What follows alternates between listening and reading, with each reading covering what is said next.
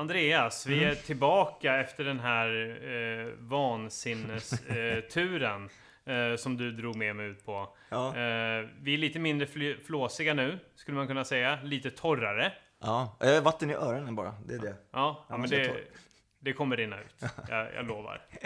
Ja, men det, det, det, jag, jag älskar det där initiativet. Det var...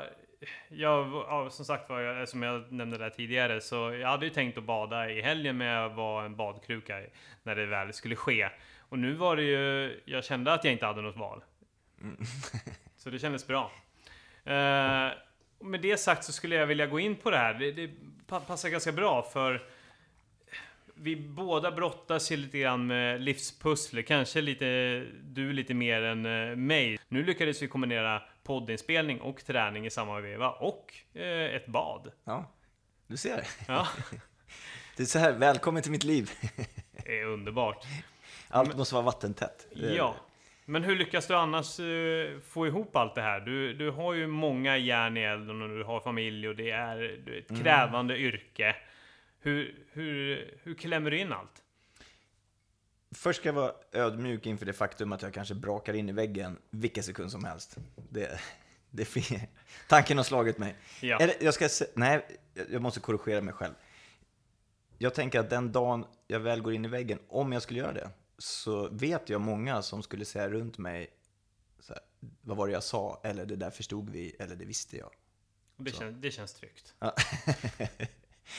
känner att jag har ett väldigt stöd, ett stort stöd från omgivningen.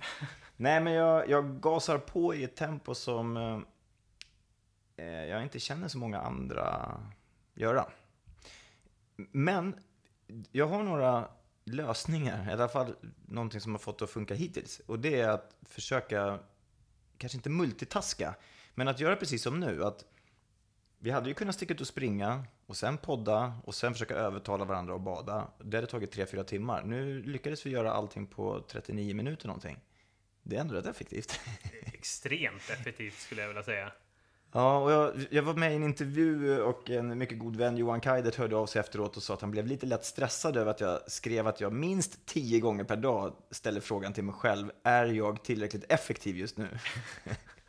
och jag tog i lite i den där intervjun, men två, tre gånger per dag så tycker jag att man bör ställa sig frågan, det jag gör nu, är det effektivt eller har jag fastnat i någonting?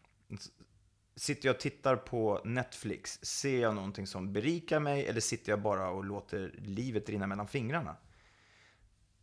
Det här kanske också är stressframkallande för vissa lyssnare, men jag tror att väldigt många gör saker som egentligen bara är någon form av transportsträcka till pension och sen ond bråd död. Man kan ju fan göra något vettigt med tiden.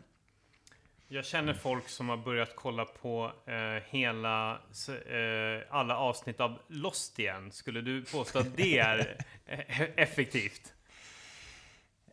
Ja, men... Äh, äh, nej.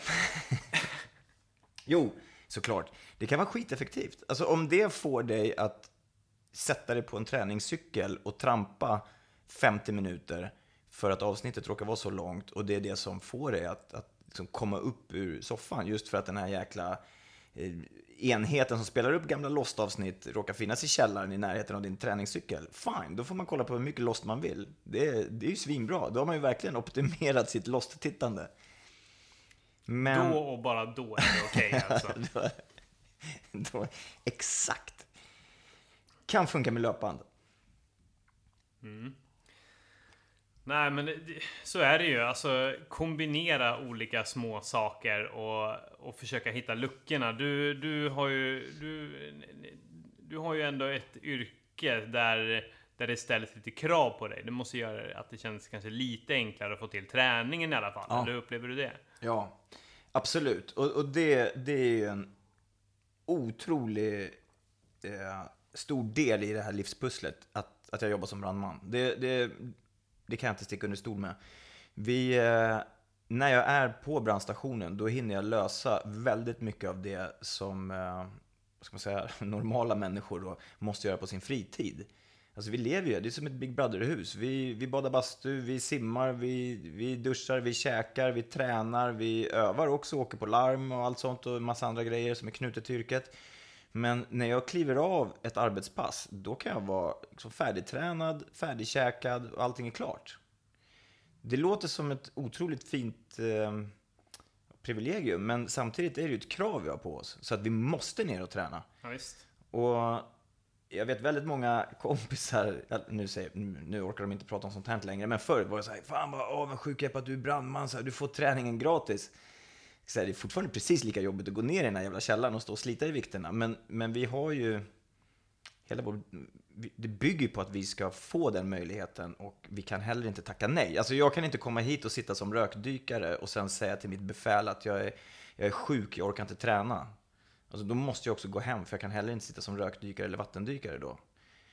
Eh, så det ligger lite eh, i, ja, fan det leder ju till nästa, det är ett bekymmer egentligen, för då finns det nog en och annan brandman som jobbar fast de egentligen inte skulle. Så att, ja, skitsamma, det är för och nackdelar, men Ja, vi ja. tränar väldigt mycket. Ja, det är bra det.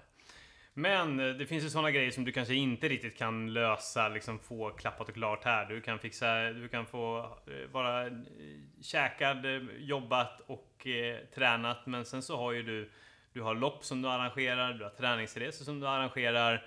Jobbar med eh, Modest eh, och liksom hur, hur får du det eh, livspusslet eh, att gå ihop efter jobbet? Ja, det här är 10 000 kronors frågan. Ja, Det- det- vi vill ha lösningen på allt. Ja, alltså, ja, alltså jag, jag, jag vet inte. Det, det korta enkla svaret är att jag inte riktigt vet hur det där går ihop. Det jag har märkt med mig själv, som, det är att jag, jag, kan, jag kan komma i perioder där jag känner att jag jobbar för hårt. Och det första tecknet är att jag ledsnar och att jag blir sittande och stirrar bara rakt ut i luften. Och nu har jag lärt mig det. Så när den perioden kommer, då sätter jag mig så fort jag kan och börjar skära bort grejer som jag tycker är tråkiga. Eller som faktiskt går att delegera. Ibland kan man fastna i någon honungsfälla och vilja göra allting själv för att det är så jävla kul. Men just vid de här tillfällena när jag hittar mig själv stirra ut i horisonten, då försöker jag rannsaka mig själv och tänka, vad, vad är det jag brinner för, vad är det jag tycker är kul och vad är det jag faktiskt skulle kunna leja bort? Och jag kan säga, bokföring och ekonomi är ju någonting som jag är så fantastiskt glad över att jag har lejt bort till en firma. My God, vilket själautsugande arbete det är. Det är himla tur att det finns sådana som tycker det är roligt ändå. Mm. Ja, det, det, det är bra. Det är bra. Ja, men vad, vad skulle du säga? Vad, vad tar upp eh, mest av din tid av alla dina projekt då? Jag höll på att säga familjen, men det, Ja. det kanske inte går att lägga in som ett projekt. Ja, det, ja, det är väl det, är väl, jag förstår. Det är väl vik, enskilt viktigaste projektet av dem alla då. Förutom det. Ja, då är det Hinderbane-loppet Ultimate. Men, eller Ultimate Ocean. Men det är så omfattande för att där, där finns det så mycket att göra. Det finns så mycket roligt att göra med det loppet. Jag skulle kunna sitta en hel dag och bara pilla på en logga och sen någon gång vid halv tio på kvällen komma fram till att den loggan vi har faktiskt är bättre. Och så har jag bara så här, hela dagen har varit jävligt mysig men jag har inte kommit fram till någonting. Nej. Så apropå honungsfälla och fastna i, i, i vinkelvolten. Ehm, så det, det går att lägga obegränsat med tid. Jag kan ju sitta och svara på alla foton jag hittar på Instagram som är taggade med OCR till exempel. Bara för att på något sätt marknadsföra loppet. Det, det, det är så obegränsat mycket att göra. Ja, visst. Eh, så där återigen är det ju att då och då sätta sig ner och fundera när jag sitter och endless scrollar på Instagram i någon form av marknadsföringstänk. Att här, är jag effektiv nu eller har jag fastnat? Är det, någon, är det någon annan som kan göra det här bättre eller kan jag göra någonting bättre? Eller borde jag bara liksom resa mig upp, gå och rensa tankarna och göra någonting annat under tiden? Eh, jag gillar att gå när jag pratar i telefon, jag gillar att ha möten samtidigt som jag tränar. Jag gillar att åka kommunalt för då kan jag sitta med eh, datorn. Alltså sitta i en bilkö är ju helt meningslöst. Då är det bättre att åka tåg, det tar ungefär samma tid. Och då kan jag sitta och jobba en halvtimme. Eller läsa en bok, eller bara stirra rakt ut genom fönstret i någon form av zen-buddhistisk eh, tantra-meditation. Ja, Det händer inte så ofta. kanske inte. Men eh, har du alltid velat haft eh, tusen bollar i luften? Har du alltid varit den människan? Ja. Hur har det uttryckt sig tidigare? När in, innan liksom hinderbanorna och loppen fanns och allt kring sporten? Alltså jag tror ju att jag har någon diagnos. så jag, jag har ju alltid varit så här. Så jag, jag har ju tränat väldigt mycket på det här. Att vara igång. Mm. Ehm, Min, ehm, vad blir det då? Plastmorfar, han dog sen han också. Eller ja. Han också. Ja. Min mormor är inne på sin tredje gubbe nu. Det, det är mysigt. Hon, hon är Ja. skitgammal. Och, eh, eller hon är väldigt gammal. Och 94. Eh, Åke hette mellanmorfar. Fan, är det ens ett ord? Mellanmorfar. Absolut. Ja, men jag är, jag är med. Han sa att jag skulle bli politiker, för han sa Andreas, du, du sover... Du, du går upp tidigt på morgonen, du går och lägger dig sent på kvällen och du är ständigt igång. Du skulle bli politiker. Mm.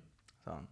Jag vet inte om det var i någon form av politikerförakt att han tänkte att någon med uppenbar ADHD skulle fara runt i riksdagen. Men eh, eh, ja, jag har haft med mig det sen, sen när jag var liten. Varför blir du inte politiker för? Åh, herregud.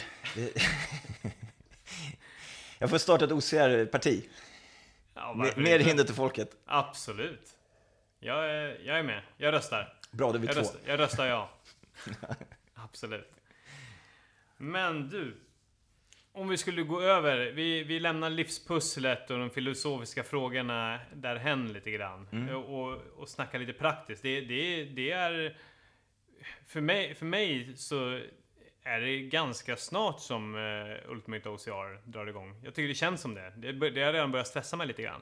Alltså, Ja, hur, hur, kul. känns, det, hur känns det för dig? Då är vi två. Ja. Nej, men nu ligger det året runt för mig. Så att det, det, det är ungefär samma status hela tiden. Det, det trodde jag inte när jag började jobba med det här. Jag tänkte att eh, fyra veckor innan så kanske allting sparkar igång. Men alltså det finns ju saker att göra året runt. Och ju fler saker vi kan göra ett halvår innan, desto bättre. Det, desto mer planerat kan det bli, desto mer genomarbetat och desto mer strukturerat. Allt- Så, bara köpa plastbackar och sortera regnponchos i. Det, det kan man absolut göra i januari. Det behöver man inte vänta till liksom, tre dagar innan loppet, vi- vilket väldigt ofta sker. Men ja. så...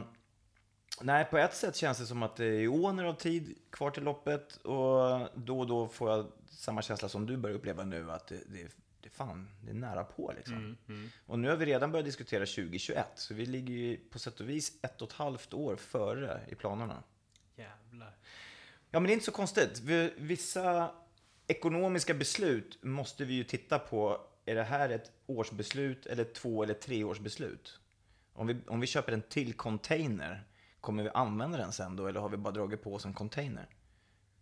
Och containrar, de, de har en förmåga att suga åt sig grejer så att du kommer alltid behöva en till container. Helt sjukt. Så ja, det måste väl nästan vara att för varje år så blir ni mer effektiva och vet eh, och bättre på det ni gör. Men det skapar ju också förutsättningarna att göra mer. Så det blir det no- Jag kan tänka mig att det aldrig någonsin blir lugnare utan det bara blir mer och mer. Är det så det funkar? Ja, det, tyvärr är det lite så. Det borde ju finnas en bortre gräns, men, Ja. men du kan ju alltid göra någonting lite mer maffigt. Ja. Och eh, jag, jag, jag tycker ju att vi, det här ska ju helst eh, de som har sprungit Ultimate få, få avgöra, men, men jag vet att de, så här, hade jag vetat hur mycket som skulle kunna gå fel och hur mycket man behöver planera när man drar igång ett hinderbanelopp, då hade jag aldrig någonsin vågat göra det. Aldrig. Och det var så jäkla mycket grejer som skulle kunna gått käpprätt åt helsike år ett, som vi bara av ren bonflax lyckades missa liksom. Så, fan. Nu får jag ont i magen. Ja, och, och, och ska vi bryta ner det i detalj så kan det ju vara att eh, så här, nummerlappsutdelningen, när vi väl har fått den att funka, då är det klart. Men då kan vi plötsligt fokusera mer på klädförsäljning. Och när vi får nummerlappsutdelning, klädförsäljning och foodtrucks att funka, ja, men då börjar vi planera så här, fan vi kanske ska ha ännu fetare DJ-utrustning. Och sen när det funkar svinbra, fan ska vi inte ha en jävla lasershow? Det kan ju vara coolt. Eller hur funkar det på dagen? Man kanske ska ha såpbubblor och enhörningar. Var får vi tag på sådana? Och sen, ja, men jag har en bra kontakt i Kina, de kan säkert fixa. Va, har du? Och sen är det igång. ja, typ så. Jag kan tänka mig att det är väldigt lätt att det spårar ur. Ja, men det Japp. är ju, och det är ju så jävla roligt att nörda ner sig. Det är ju Oh, så. ja. Det är att bli bättre och göra det större. Och ja, men det, om, om jag började med den här podden med en eh, mick som vi delar på. Ja, men nu sitter man här och bara pumpat in stålar i det här. Liksom bara för att det är så jävla roligt att bli bättre på någonting. Ja. Och vart är den bortre gränsen? När är det, har du analyserat din process? När, hur, liksom, hur stort kommer det här bli innan du på något sätt ledsnar och börjar med något nytt? Eller vad, vad, är, vad är den bortre gränsen? Jag, jag tror inte det finns någon just nu, utan det kommer bara eskalera tills att, ja, jag, tills att det kanske bara brister. Eller någonting, jag vet inte. Har du sneglat på att skaffa ett större boende för att kunna låta podden växa rent fysiskt? Eh, absolut. Eh, nu ska jag ju flytta till eh, Hammarbyhöjden i mars och då finns det tydligen en musikstudio där. Oj. Som man kan hyra in sig eller låna. Jag får se. Så där, där nu börjar det liksom, nu, blir, nu kommer det finnas en riktig studio. Och, så, här, och, den måste ju fyllas med prylar och så här, så det, det är liksom... En container, du behöver en container. Jag behöver en container. Får jag hyra den från Ultimate OCR? Du kan få, jag vet en bra sån, eh, jag vet en snubbe som säljer bra container. Ja, perfekt. Ja, tack så mycket. Ja, nej men, nej men jag tror inte det finns det. Det tror jag faktiskt inte. Eh, utan det, men det, ja, det är roligt när det får eskalera. Mm. Ja. Ehm, och, och hur ser det ut nu inför eh, loppet den 2 maj då? Vad, vad har vad fokuset på att tweaka och göra större till det här året? Vad kan man liksom vad, vad, är, vad är fokuset på förändring? Vi kommer försöka göra allting lite större med eh, då främst fokus på barnloppet, Ultimate Kids, och sen på eventområdet. Och få eh, ännu mer folkfest. Det är ett väldigt klassiskt ord och kanske Ja. lite uttjatat. Nej, men jag Men- gillar det. Jag gillar Men eh, folk som jobbar i kommunen älskar två ord eller två meningar. Det är så här, det blir en folkfest och vi sätter Åkersberga på kartan. Så att det, här, det är liksom vårt mantra nu inför år fem. Sen är det ett femårsjubileum. Vi tycker att vi har hittat en bra balans i våra hinder. Eh, vi har några nyheter på gång. Eh, vi har också några, alltså varje år har vi en tidstjuv. Det här hindret som vi aldrig har byggt tidigare och som vi inte vet hur lång tid det ska ta att bygga. Vi vet inte ens om det kommer funka, hålla eller ja, bära eller brista. Eh, vi har några sådana hinder i år också, men jag kan inte gå in mer för det, det är också de hindren som vi då och då blir tvungna att bara klippa. Trots att vi är så jävla nära på att få till det så här, så bestämmer vi oss för, ofta då så två dagar innan start, att det, det, här, det här kommer inte hålla kvalitet. Vi får ta det nästa år. Eh, fördelen är att ingen vet om att det här liksom skjuts på framtiden. Nackdelen är att vi är otroligt medvetna om det. Och, och, eh, så vi har några sådana spännande grejer som ni kanske får se. Och sen eh, en grej i vårt koncept som vi har varit dåliga att kommunicera, som jag gärna skulle ta tillfälle nu. Det är hard lane och find your way. Två eh, arbetsbegrepp. Och hard lane, det är helt enkelt att vissa hinder har en tuffare linje. Den linjen ger egentligen inga fördelar. Men den kommer garanterat vara köfri. Och den linjen motsvarar också det man kommer få mötas av på EM och VM. Okej. Så vi skulle ju uppmuntra och uppmana alla som är så pass duktiga att de tänker kvala att faktiskt välja hard lane för att eh, få rätt förutsättningar. Och fixar man inte hard lanes på vårt lopp, då kommer man få väldigt tufft på EM och VM. Sen kommer det komma ett hinder, det blev klart idag. Kommer komma ett hinder med fyra olika linjer, så där får du verkligen välja själv. Det kan vara helt olika förutsättningar. Oj.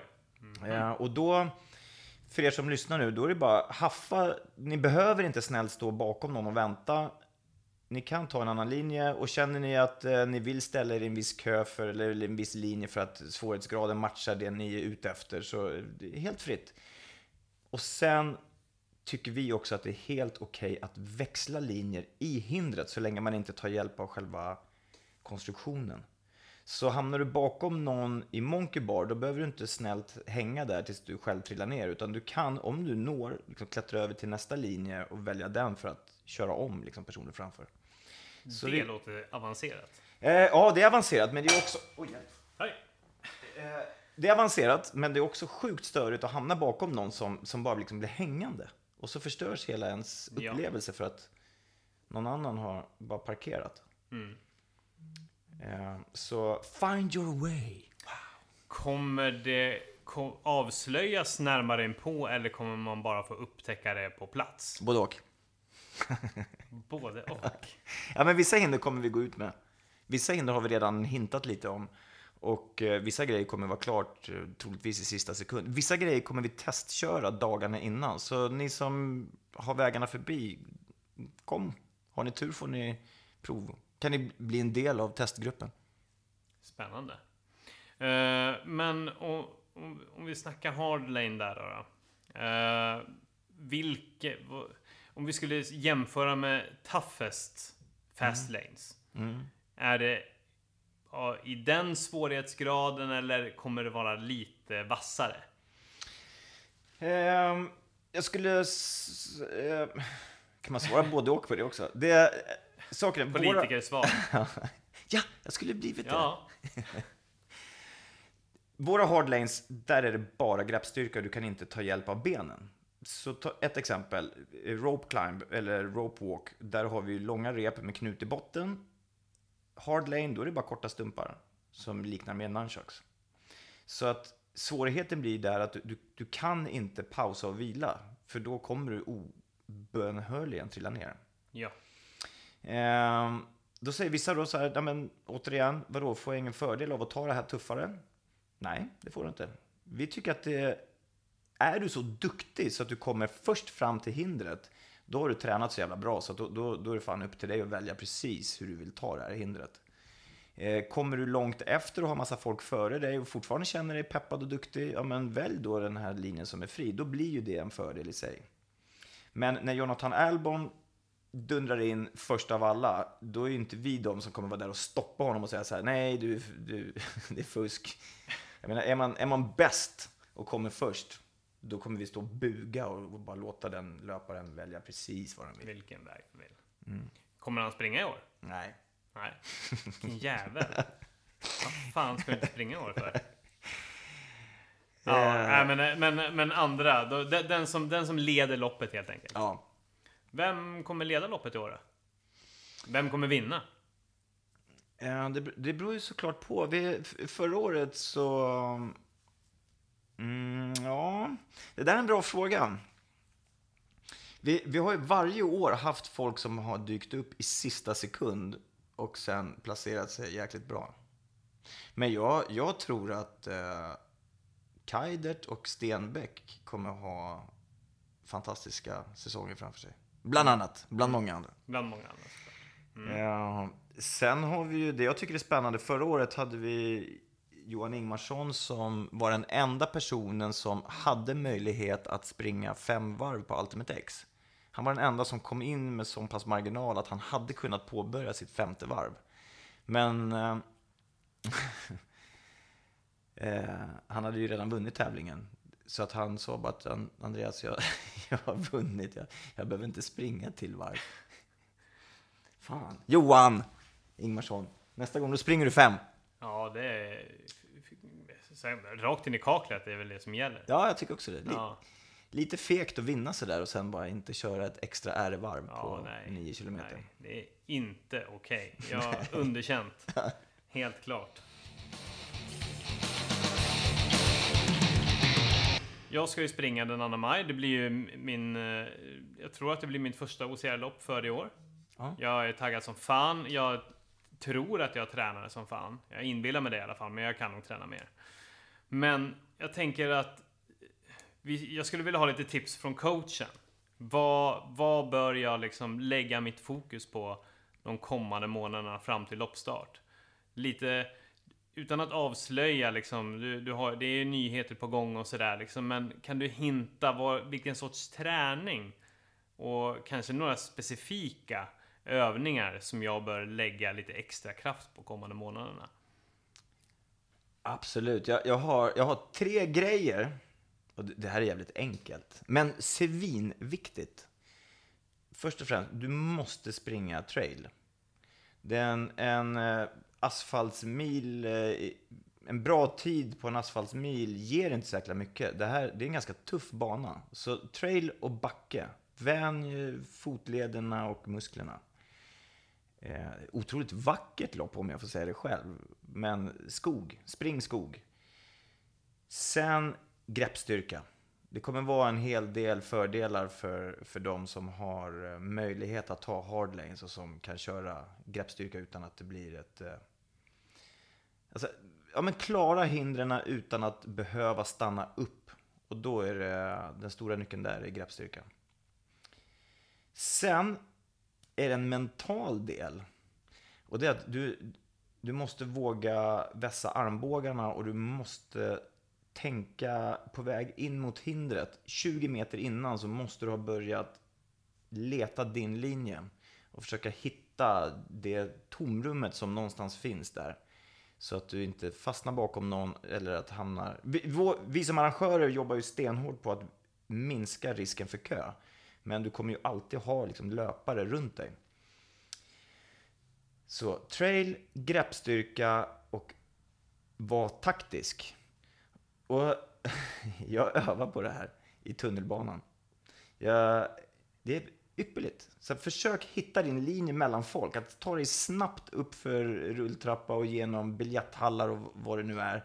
Utan att slå i folk och, och så ta, ta sikte på någon som du bestämmer att du ska hinna före den personen innan biljettspärren. Och så bara öva, öva, öva. På ett snyggt och diskret sätt träng dig som fan. Det är skitbra. Där får vi också in liksom vardagspusslet. Exakt. Återigen ett knep där. Liksom. Se, ta varje tillfälle akt, vara effektiv och tänk att du är på en hinderbana. Ja. ja men jag tror att det är skitviktigt. Ja. Jag, jag vet inte hur många ryggar jag har plockat genom åren tack vare att jag inte har stannat och pustat, frustat och hållit mig på knäna och börjat fundera på hur jag ska ta hindret. Det är jag klar med när jag kommer fram. Jag är expert på det. Jag är skitbra på att stanna upp vid hinder, fundera på om jag klarar det, tveka och sen kanske göra ett försök eller inte göra ett försök. Men jag tar god tid på mig när jag kommer fram. Det är ju också såklart väldigt mysigt och gemytligt, men... Ja. Men det tar lite längre tid. om du är noga med tiden, då är det förödande. Yes. Men om vi, du, du snack, om vi går, nördar ner oss lite grann. Vi snackar, vi börjar med den första punkten, trail. Uh, Ultimate OCR, det är mycket, det är mycket skogs och traillöpning. Ja. Uh, hur skulle du säga att man ska träna i trail? För det, jag upplever det ganska vanligt att liksom, ja, men jag kör mina intervaller på asfalt, jag kör mina ja, men, eh, de vanliga distanspassen, så här, 10 kilometer och så här. Det blir mycket asfalt så här, man bor i stan. Uh, Medan jag på helgerna, då blir det trail och då blir det ganska lugnt och mysigt och långa pass. Mm. Skulle du tycka, säga att man kanske ska omfördela lite grann där? Ska man, tycker du, jobbar du själv med att springa till exempel intervaller i trail eller hur, hur, hur tänker du där? Jag tycker du har ett ganska bra upplägg om, om du jämför med mig. Jag, ja. jag kör ju, intervallerna brukar ofta bli på löpande här på brandstation. Mm. Och eh, myspyslöpningen blir ute i skogen. Och sen går man på lite mer så här, fartlekskänsla. Eller jag tycker man ska köra lite mer fartlek. Så att när du känner dig pigg och fräsch, då brallar du på. Och när du kommer i snårig skogs... Alltså jag springer vilse en hel del. Med, ibland med flit. Uh, det är svinnice. Ja, det är nice. Mm. Och man, man blir lite ett med naturen och sånt. Och mm. Ibland blir jag lite nervös när man ser uh, djurspår som jag inbillar mig kan vara allt från björn, björn. till... Mm. till myskoxar eller enhörning eller vad fan som helst. Och sen, eh, man varierar. Så spring så som du tror att människorna sprang förr när de var jagade av något. I skogen. Perfekt. Svinenkelt. Och sen mm. är det skitbra att komma hem också efter ett tag. Ja, efter en stund. Mellan en till sex timmar. Ja, ja där. Ja. där någonstans. Det är ungefär där de brukar ligga. Uh, men om vi snackar, går över till grepp då. Greppet är viktigt, men hur får man upp greppet? Är det bara, ska mm. man köpa en sån där eh, klämma bara? Och sitta vid, ja, och bara sitta vid skrivbordet? Eller ska man göra någonting annat? Ja, jag, jag skulle säga klättring av olika slag. Att, att träna det som... eh, Jag måste, måste tänka hur jag ska formulera mig. Mm. Att, att träna monkey bar för att bli duktig på monkey bar, det upplever jag är ganska slitigt för händerna. Det, det är svårt att köra en timme monkey bar utan att fläka upp allt du har i handflatan. Ja. Så här tänker jag mer klassiskt gymmande, klassiskt klättrande. Då får man gärna köra precis tvärt vad klättermänniskor gör. Eh, De menar att man ska använda benen mycket, avlasta, inte liksom köra slut på armarna. Där, tvärtom, OCR-klättra bara, typ låt benen släpa längs väggen och så bara drar du upp med armarna. Mm. Då, ja, då, då blir man duktig på grepp. Ja. Eh, och sen eh, tycker jag att så fort, så, du, du vet ju själv den här känslan när, när du börjar bli öm i handflatorna, du tänker att huden kanske brister snart. En, en, en grej till och det går åt helvete. Och det Ja. gör det oftast det. Exakt! Ja. När du får den där känslan, kroppen är ju ändå hyfsat smart. Den försöker ju desperat säga att nu, nu är det knas. Snart, Ja. snart pajar jag. Och då, då kan man inte, trots att man vill få ut något snajsigt på Instagram, köra vidare. För den, de fem sekunderna extra träning som sen pajar en hel vecka på grund av läkning, Ja. det, det är inte värt det. Nej. Eh, Så ni som fortfarande håller på och lägger upp eh, uppfläkta handflator, bara sluta med det. det. Det där är bara dåligt. Det kommer få folk att träna fel. Ja. Det är inte, det är inte till, eh, du blöder som det är vettigt. Man måste kunna, eftersom om man ska bli riktigt bra på det så måste man kunna träna mycket volym.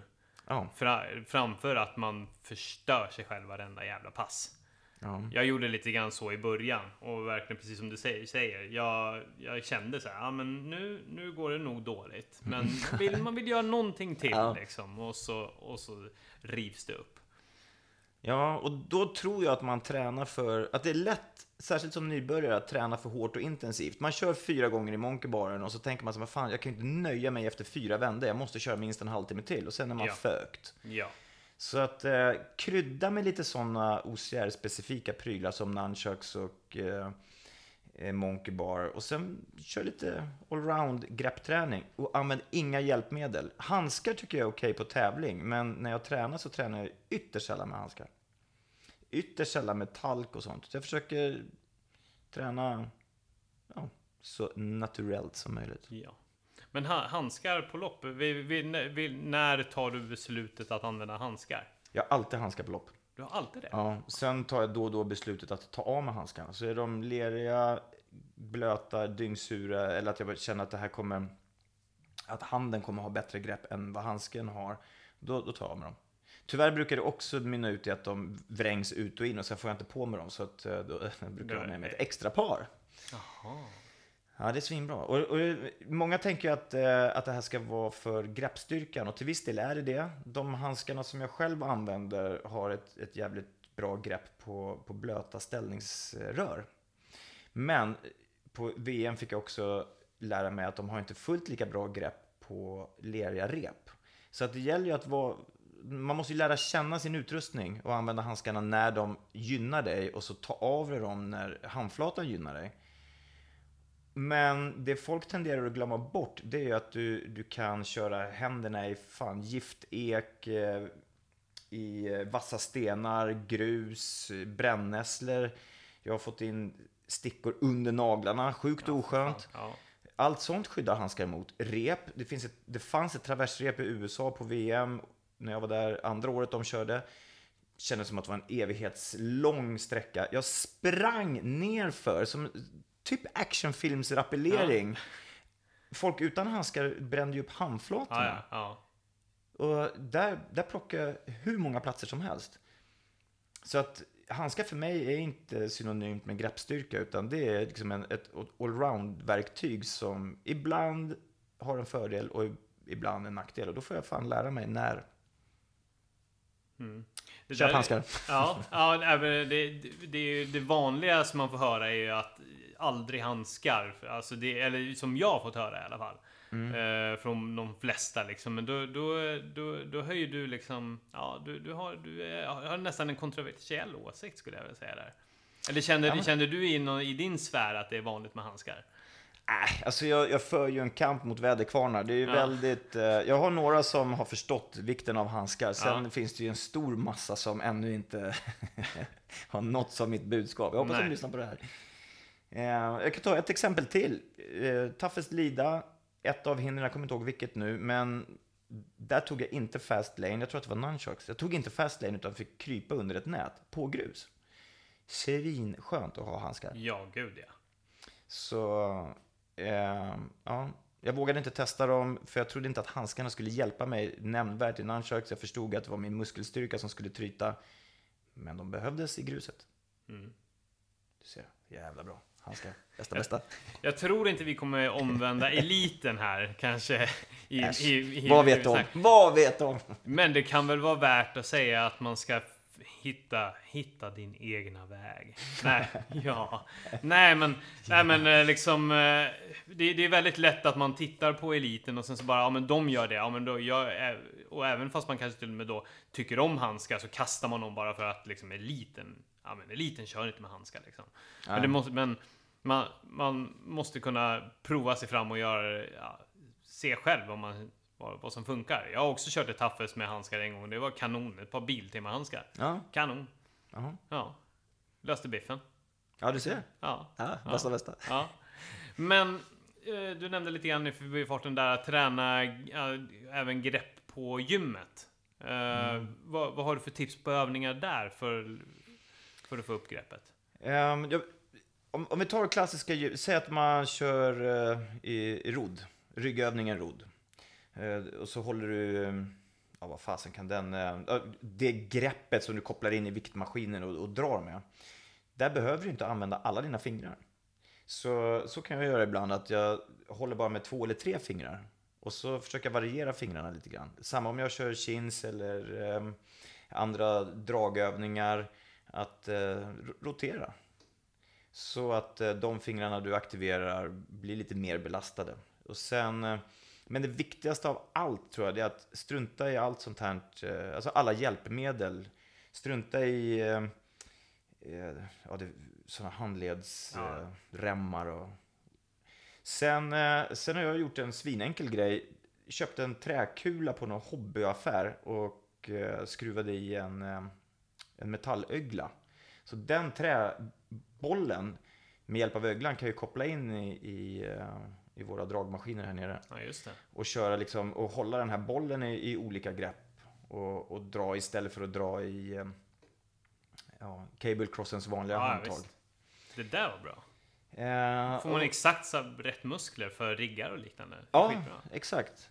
Samma, jag har köpt eh, eller fixat några enkla nunchucks. Det är bara rundstav med en eh, snörstump igenom. Samma sak där kan, du- kan du koppla in och använda i dragmaskiner. Eller jag har monterat en stege i gymmet här nere på jobbet.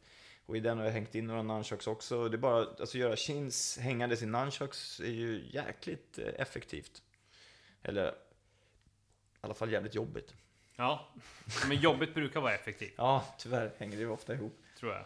Nej, men det, det, det där ska jag fan ta fasta på. Jag har inte tänkt på. Det är genialiskt. Ja, det kanske är dumt om allt för många hör det här. Ja. Vill du att jag ska klippa bort det? Nej. Nej, lite, lite bjussig får man, måste man få vara ändå. Ja, ska man-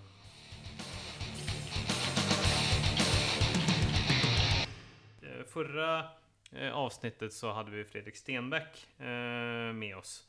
Mm. Som jag intervjuade. Och då ställde ju du några välvalda frågor. Ja. Som man kunde höra i slutet av avsnittet. Eh, han har några frågor till dig också. Nej.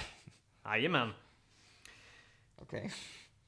Hur många människor har du fällt Nej! i starten av lopp under din karriär? Fredrik, för fan! Ja, hur Eh. många är det nu? vad, vad jag vet så är det en. Var det Kista-loppet? Ja, där var den stackare. Ja, det var- jag, jag tror han slog av sig glasögon också. Ja. Och kan inte ha varit äldre än 14 tror jag. Nej. Men, eh, nej, men det, det, det är två stycken som jag har fällt i starten. Men sen den jag skäms väldigt mycket över är en kille på Toughest Lida som jag tror var engelsktalande. Han svor i alla fall på engelska. Som jag råkade kasta en sån wreckbag i ryggen på. det, det var absolut inte meningen. Det, det, det, blev, det blev inget bra. Ehm, så ja, jag vet inte om han, han fälldes ju på ett helt annat sätt. Men tre då, kanske. Tre. Tre. Vad skulle du vilja säga till honom ifall du träffar honom idag?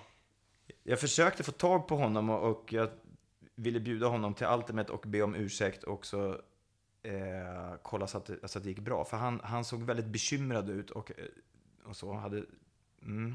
Ja. Men eh, jag, jag fegade ur lite grann. Ja. Och sen så res, resonerade jag med mig själv och kom fram till att han, att, att, att han troligtvis själv läkte väldigt fort. Jag tror det också. Jag tror att han mår kanon idag. Men han hade ett väldigt lågt startnummer. Det var ensiffrigt och han var engelsktalande. Så jag tänkte att det, det bör inte vara så svårt att, att hitta honom i resultatet. Nej. Ja, men mer än så gjorde jag inte. Nej. Vi lämnar det. Eh, en lite snällare fråga. Vad, Ja. vad är det roligaste med att arrangera Ultimate OCR? Alltså det, det är som en... Det, det, nu kommer väldigt många inte hålla med mig, men det, det är som en förlossning. Mm. Alltså det är som något... Det, det blir en känsla av att någonting är startat som man från början tyckte skulle vara en rolig grej och ett kul projekt. Och sen när det är skarpt läge och bollen är i rullning, då är det omöjligt att stoppa. Det finns inget att "Ah, det kan vi ta på måndag. Utan du har, plötsligt är maskineriet igång som, ett, som en egen livsform. Och som arrangör, då är du bara mitt i det. Du är mitt i stormens öga, ett jävla kaos. Alltså typ stormens öga fast det blåser. Jävligt obekvämt ställe. Ja. Och alla sinnen är på topp. Och alla sinnen är igång. Så att den dagen är magisk.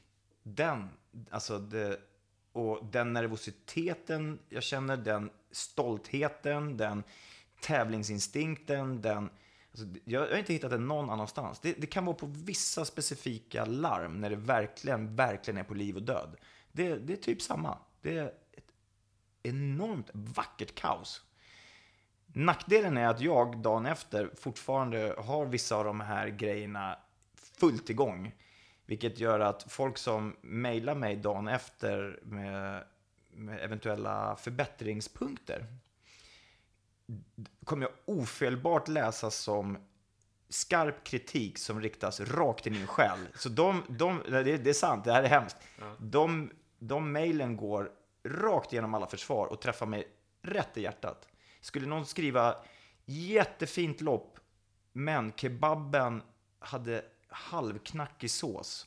Då kommer det enda jag, det enda jag kan tänka på den dagen, det är att jag måste fixa bättre sås till nästa år. För att det här, så här får det fan inte vara.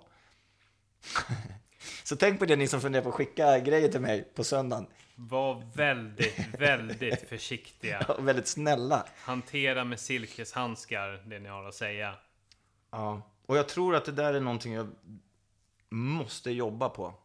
För att det, det kan vara lite förödande. Det, det, det, blir som ett vakuum dagarna efter.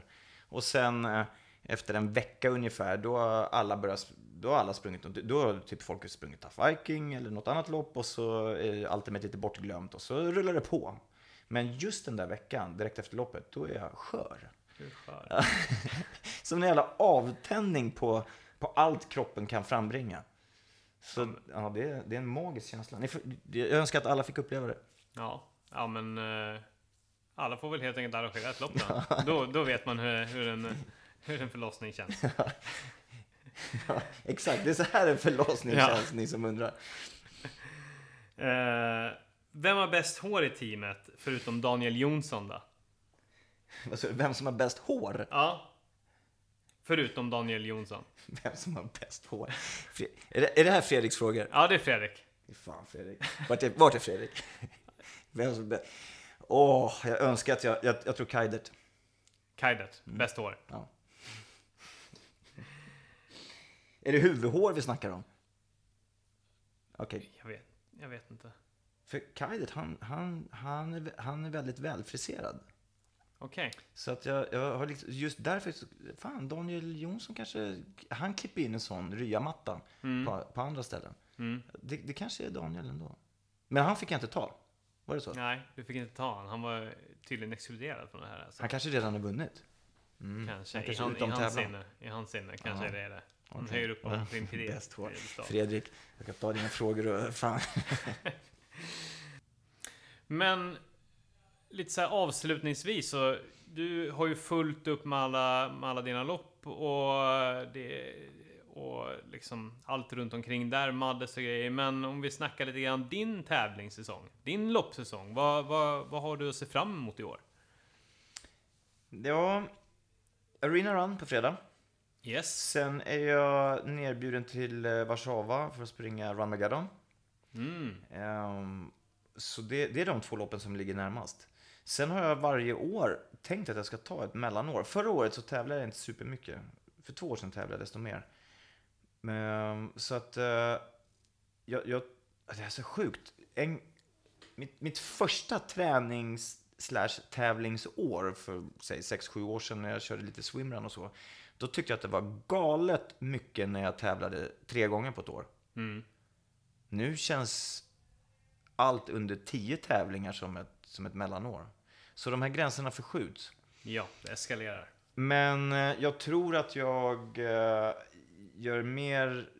Jag känner inte längre att jag hör hemma i eliten på det sätt som jag kände för några år sedan.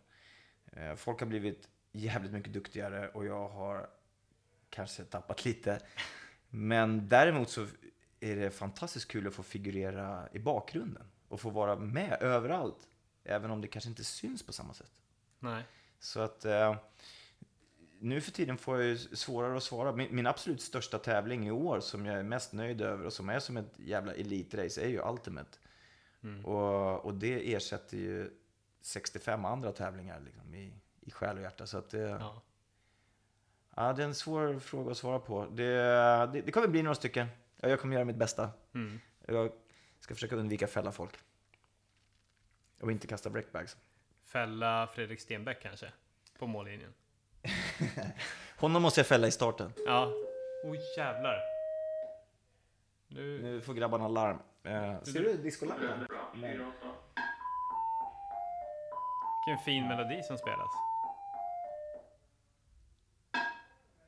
Men visst är det lite coolt med Ja, diskolampan? det, det är alltså, vi sitter i ett rum här på brandstationen och när larmet gick nu så drog det en diskolampa igång i rummet. Ja, ja, det är en nice touch. Ja. Det är det. Nej men med, med det larmet så som sagt var, jag tror att vi avrundar där. Ja. Jag tror att vi behöver käka lite grann och, och sova lite grann och, och träffa våra, ja du vill träffa din familj, Ja. jag ska hem och träffa min sambo. Ja. Ja, och sova gott. Räk, följa sömnen, Yes. registrera den Det är viktigt. och så vidare. Men Andreas, tack som fan för att, eh, för att du ville vara med i podden och för att du drog med mig på ett jäkla äventyr. Ja, med men dopp tack. på hela faderullan. Tack själv. Det var Ja. jättekul. Ja. Tack så mycket! Ha det så bra så hörs vi av. Puss och kram! Hej då! Hej då!